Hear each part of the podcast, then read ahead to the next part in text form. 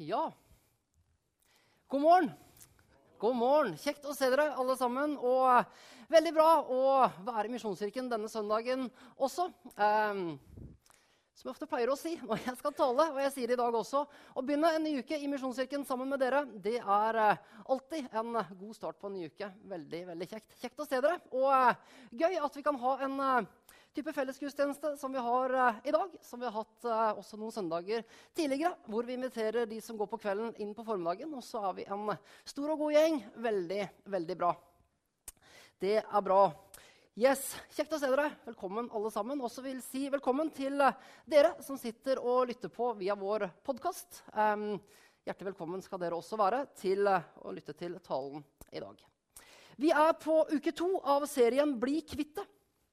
Og Gjennom denne serien så ønsker vi å se på ting som kan bli hengende fast i livene våre.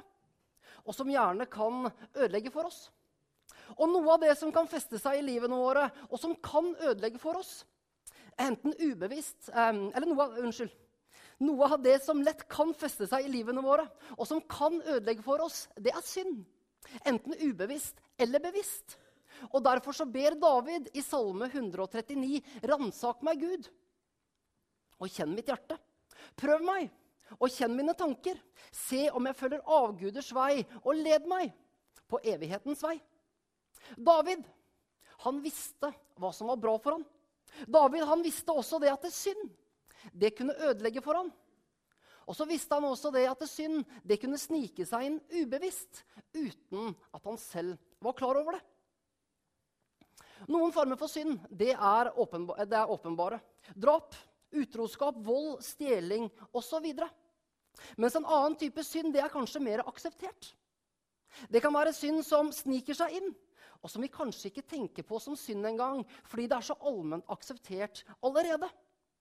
Og Det er det vi ønsker å sette fokus på i den serien som vi er akkurat nå. Bli kvitt det. For vi ønsker å bli kvitt akkurat det. Og Vi ønsker ikke å sette fokus på dette fordi at vi skal føle oss dårlige og for at vi skal føle oss fordømt og elendige. og alt dette her. Men vi ønsker å sette fokus på det fordi Gud han ønsker noe bedre for oss. Gud han kan ta det bort. Og så tror jeg det at livene våre kan bli enda bedre. Forrige uke så snakket Frode om løgn. Om hvordan vi lett drar noen hvite løgner for å få oss til å føle oss bedre. Mens i dag så er temaet altså sjalusi. Og Gjennom dagens tale så skal vi se hvordan sjalusi og sammenligning kan hindre oss i livene våre. Og så skal vi se hvordan Jesus ønsker å sette oss fri fra akkurat det. For som Jesus selv sier, 'Får Sønnen frigjort dere', da blir dere virkelig fri.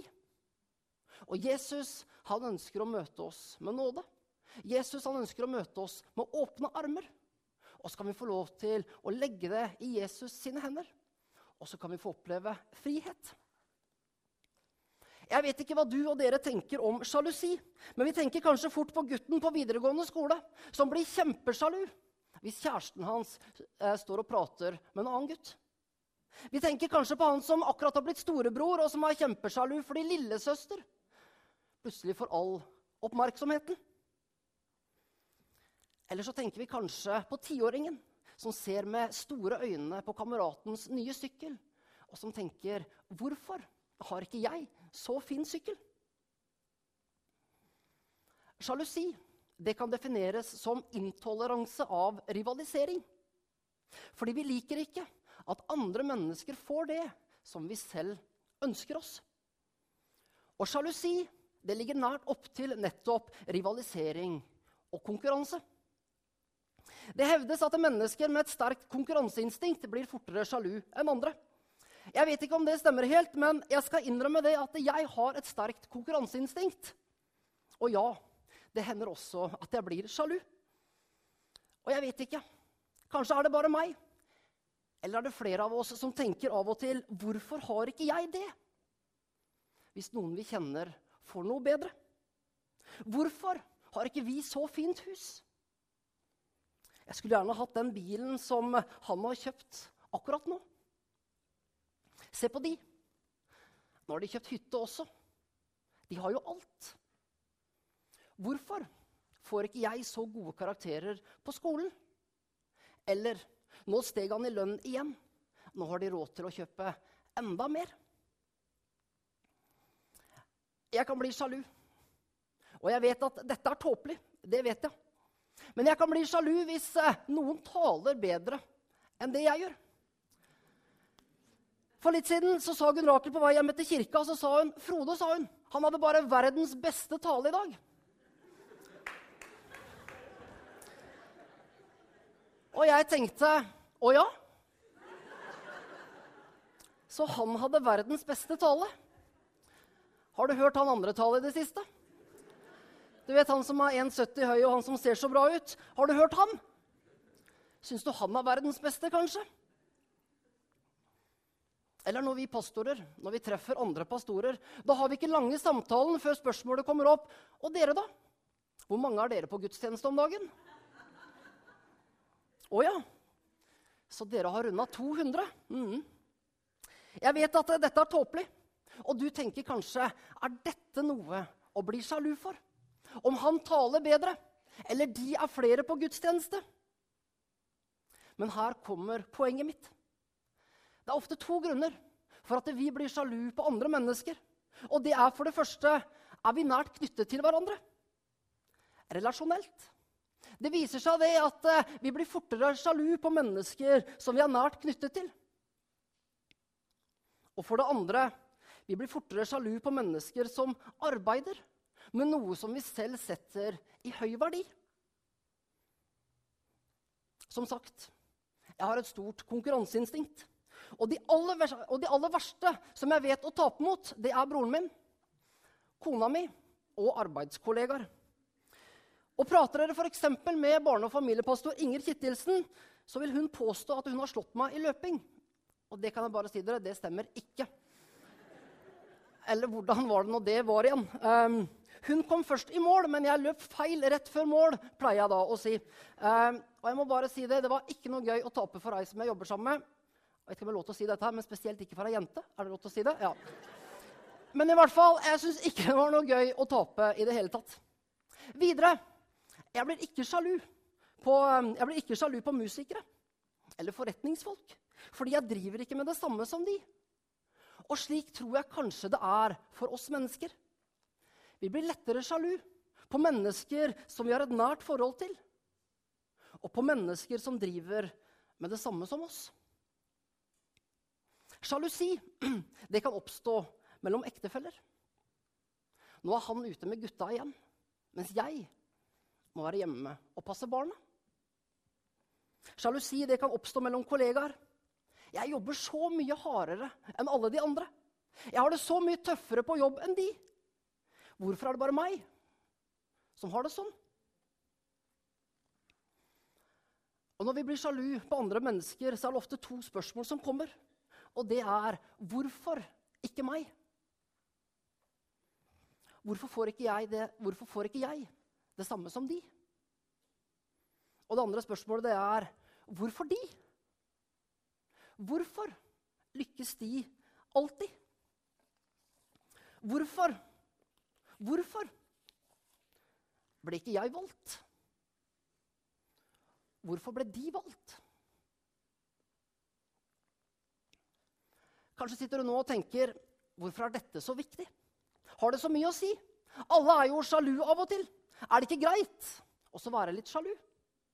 Men greia er den at sjalusi det ødelegger for oss. I ordspråkene 1430 så står det 'et friskt hjerte gir kroppen liv'. Sjalusi det er som verk i knoklene. Sjalusi det er gift for kroppen vår og for livene våre. Sjalusi den kan ta bort glede. Den kan ta bort fred, frihet og begeistring. Og sjalusi den kan erstatte det med bitterhet, sinne, misunnelse og depresjon. I Bibelen så leser vi historien om kong Saul. Du finner historien i første Samuels bok, og jeg anbefaler deg å lese den historien når du kommer hjem. Saul han var Israels første konge. Saul han var ung, han var kjekk, han var talentfull. Han hadde karisma, og han hadde egentlig absolutt alt man kunne tenke seg. Saul han var mektig, han var rik, Og han hadde tilgang på absolutt alt. Ingen mennesker kunne måle seg med kong Saul. Saul han var i krig med filisterne. Og En dag så utfordrer kjempen Goliat. Han utfordrer, utfordrer israelittene til nærkamp. Og Vi kjenner gjerne historien. Ingen vil møte Goliat. Helt til den lille gjetergutten David kommer på banen. Folk sa det at Goliat de, er for stor til å slå. David sa, David sa det at han er for stor til å bomme. Og David han vant en stor seier. Etter denne seieren så ble David en del av kong Saul sin hær. Og David han ble etter hvert en stor kriger. Og I starten så var David til stor velsignelse for Saul. I 1. Samuels bok 18,5 så står det David dro ut i krigen. Og han hadde lykken med seg overalt hvor Saul sendte ham. Derfor ga Saul ham kommando over sine krigere. Hele folket beundret ham, også Saul sine krigere. David og Saul de kjempet de sammen. Det var god gang, og de hadde framgang. Men plutselig så skjedde det noe. Saul han så hvordan folket elsket David. Han så hvilken framgang som David etter hvert hadde. Og Saul han begynte å bli sjalu. Videre i vers 6 fra 1. Samuels bok 18 så står det da hæren kom hjem etter at David hadde felt filisteren, kom kvinnene syngende og dansende ut fra alle byene i Israel for å møte kong Saul med trommer, gledesrop og triangelspill. Og mens de danset, så sang kvinnene Saul slo tusener. Men David, han slo titusener. Og da skjer det noe med kong Saul. Saul han blir brennende harm, står det. Han blir sjalu. Og Saul han tenker kanskje det er jeg. Det er jeg som har gjort David stor. Det er jeg som er konge. Det er jeg som skal ha mest ære. Saul han begynner å sammenligne seg med David. Jeg slo bare tusener, tenkte Saul. Mens David, han slo titusener. Er ikke jeg like god? Og sjalusien, den får lov til å vokse i Saul sitt liv. Så til oss. Dette er en hendelse som vi kommer til å møte mange ganger i livet.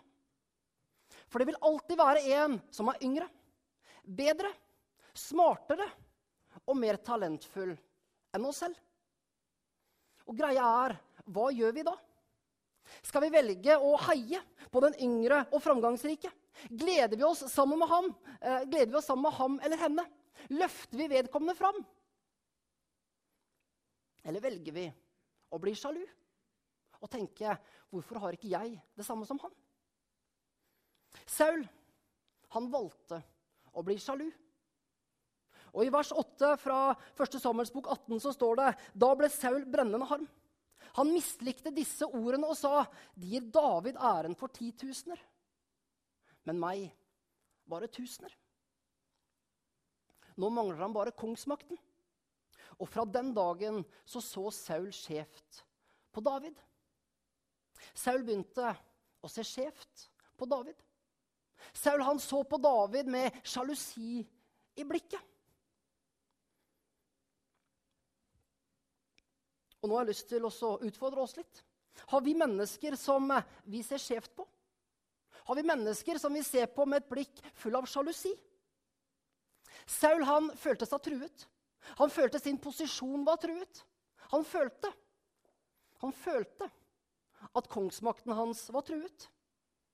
Har du og jeg har vi personer som vi føler oss truet i forhold til? Videre i vers 10 så står det dagen etter så kom det en ond ånd fra Gud over Saul. Han ble helt fra seg inne i huset. Og David spilte på harpen som han gjorde hver dag. Saul han hadde et spyd i hånden. Han kastet spydet mot David og tenkte nå spidde jeg ham til veggen. David han kom seg unna. Men etter dette så ble Saul aldri seg selv igjen. I vers 12 så står det da ble Saul redd for David. For Herren var med ham.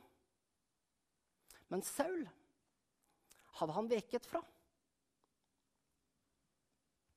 Som sagt, Saul han ble aldri seg selv igjen. Sjalusien, bitterheten, egoismen, den fikk prege Saul sitt liv.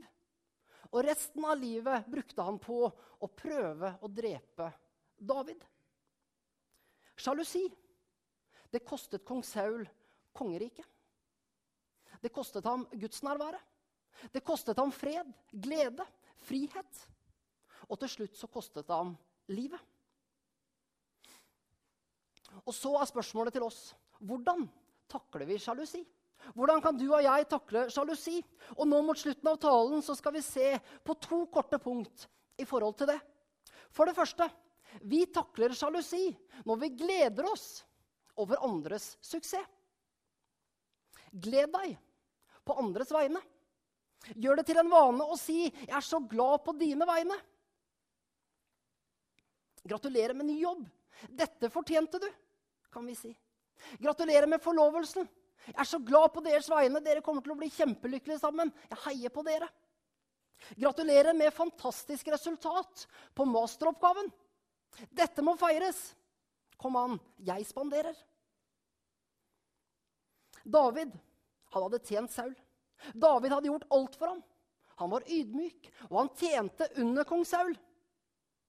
Og Saul han syntes det var greit, så lenge han selv fikk mest oppmerksomhet.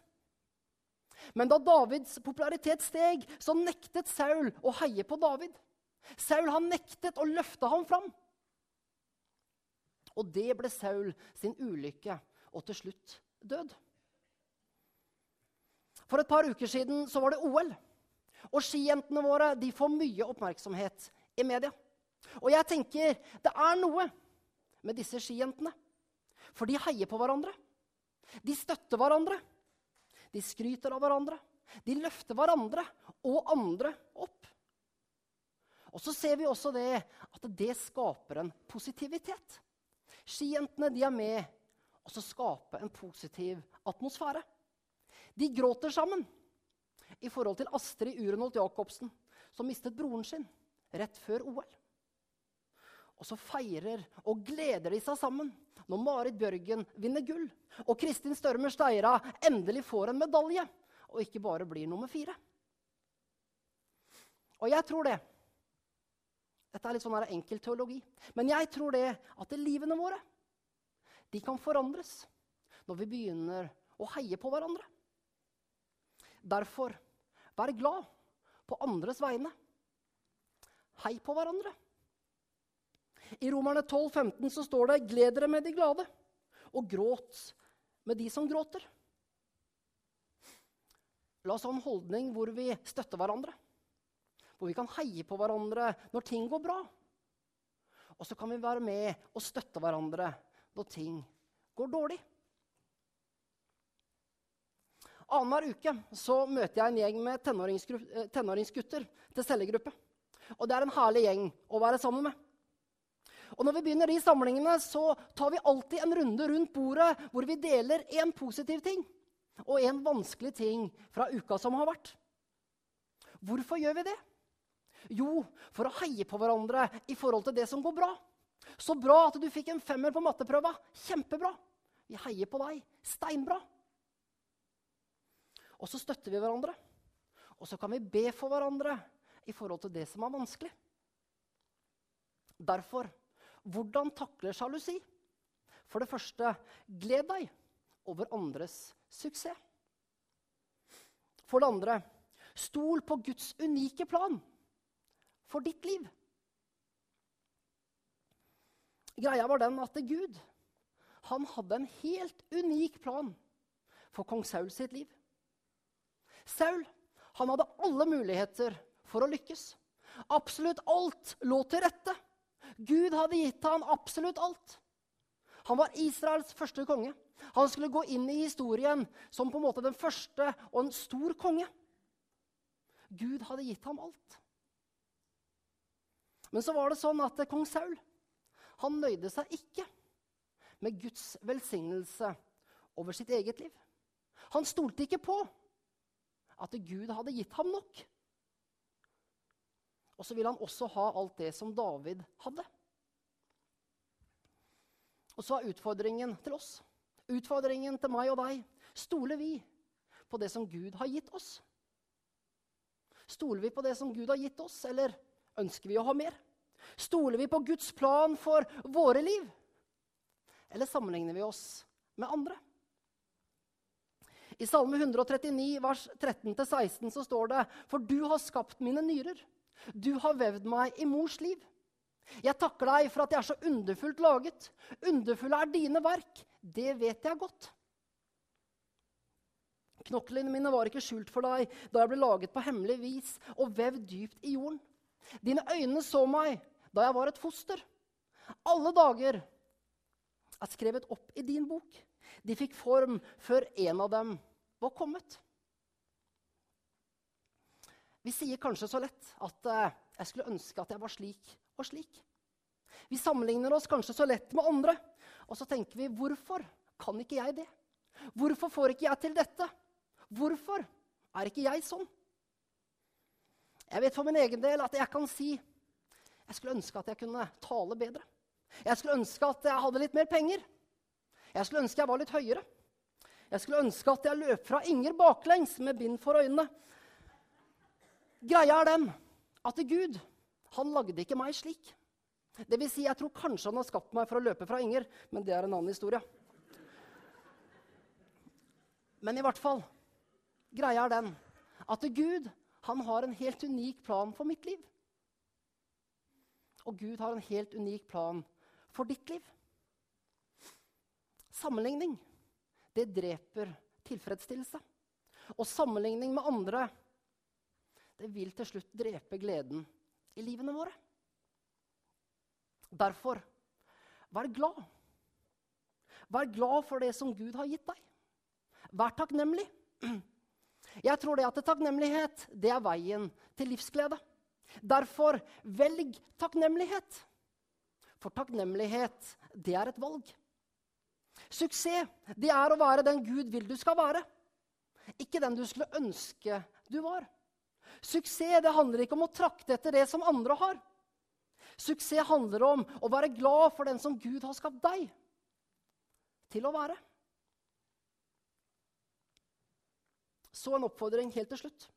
Ta noen minutter hver dag hvor du bruker litt tid på å takke Gud for alt det som han har gitt deg. Skriv det gjerne ned. Tell velsignelser. Og så tror jeg det at du vil se at du har så mye å være takknemlig for. Og så tror jeg at å velge takknemlighet, det er veien til livsglede. Husker For en del år tilbake så gikk jeg gjennom en tøff periode i mitt eget liv. Um, jeg sleit med depresjon. Jeg sammenligna meg med andre. Og jeg tenkte det at andre de har det så mye lettere. Og så fikk, en, uh, så fikk jeg en, utfordring av en, måte, en sjelesørger som jeg prata med. Og han sa, 'Skriv ned alt det som du har å være takknemlig for.' Og jeg tenkte, hvorfor i all verden skal jeg gjøre det? Har det noe å si? Vil det hjelpe meg? Men så kom jeg hjem og så fant jeg fram et ark. Og så begynte jeg å skrive ned alt det som jeg hadde å være takknemlig for. Mennesker i livet mitt. Ting som Gud hadde gitt meg. Og så så jeg det at når jeg etter hvert så den lista, og etter hvert ganske lange lista, så så jeg det at det sannelig jeg har mye å være takknemlig for. Og det ga meg glede. Det ga meg fred i hjertet. Og så la det bort noe av sammenligningen. Ikke la sjalusi og sammenligning få ødelegge livet ditt. Men vær glad på andres vegne. Vær glad på andres vegne. Vær med og feire deres suksess. Og stol på Guds unike plan for ditt liv. For Gud har gitt deg mer enn nok. Skal vi be sammen? Himmelske Far, jeg takker deg, Herre, for at du er god mot oss. Jeg takker deg, Herre, for alt det som du har gitt oss. Takk for det, Jesus. Takk, Herre, for eh, alle velsignelser. Takk, Herre, for alle gleder. Takk, Herre, for eh, gode mennesker som du har gitt i våre liv. Takk, Jesus. Og så ber jeg Herre helt konkret at du skal hjelpe oss til å være glad på andres vegne. At vi kan gjøre det til en vane at vi sier 'er så glad på dine vegne'. At vi kan være med og feire andres suksess. At vi kan være med og løfte opp andre. Hjelp oss til det, Herre. Og så ber jeg Herre at du skal hjelpe oss til å stole på din unike plan for våre liv. At vi kan se, at vi kan stole på at du har gitt oss mer enn nok. Takk for det, Jesus. I Jesu navn.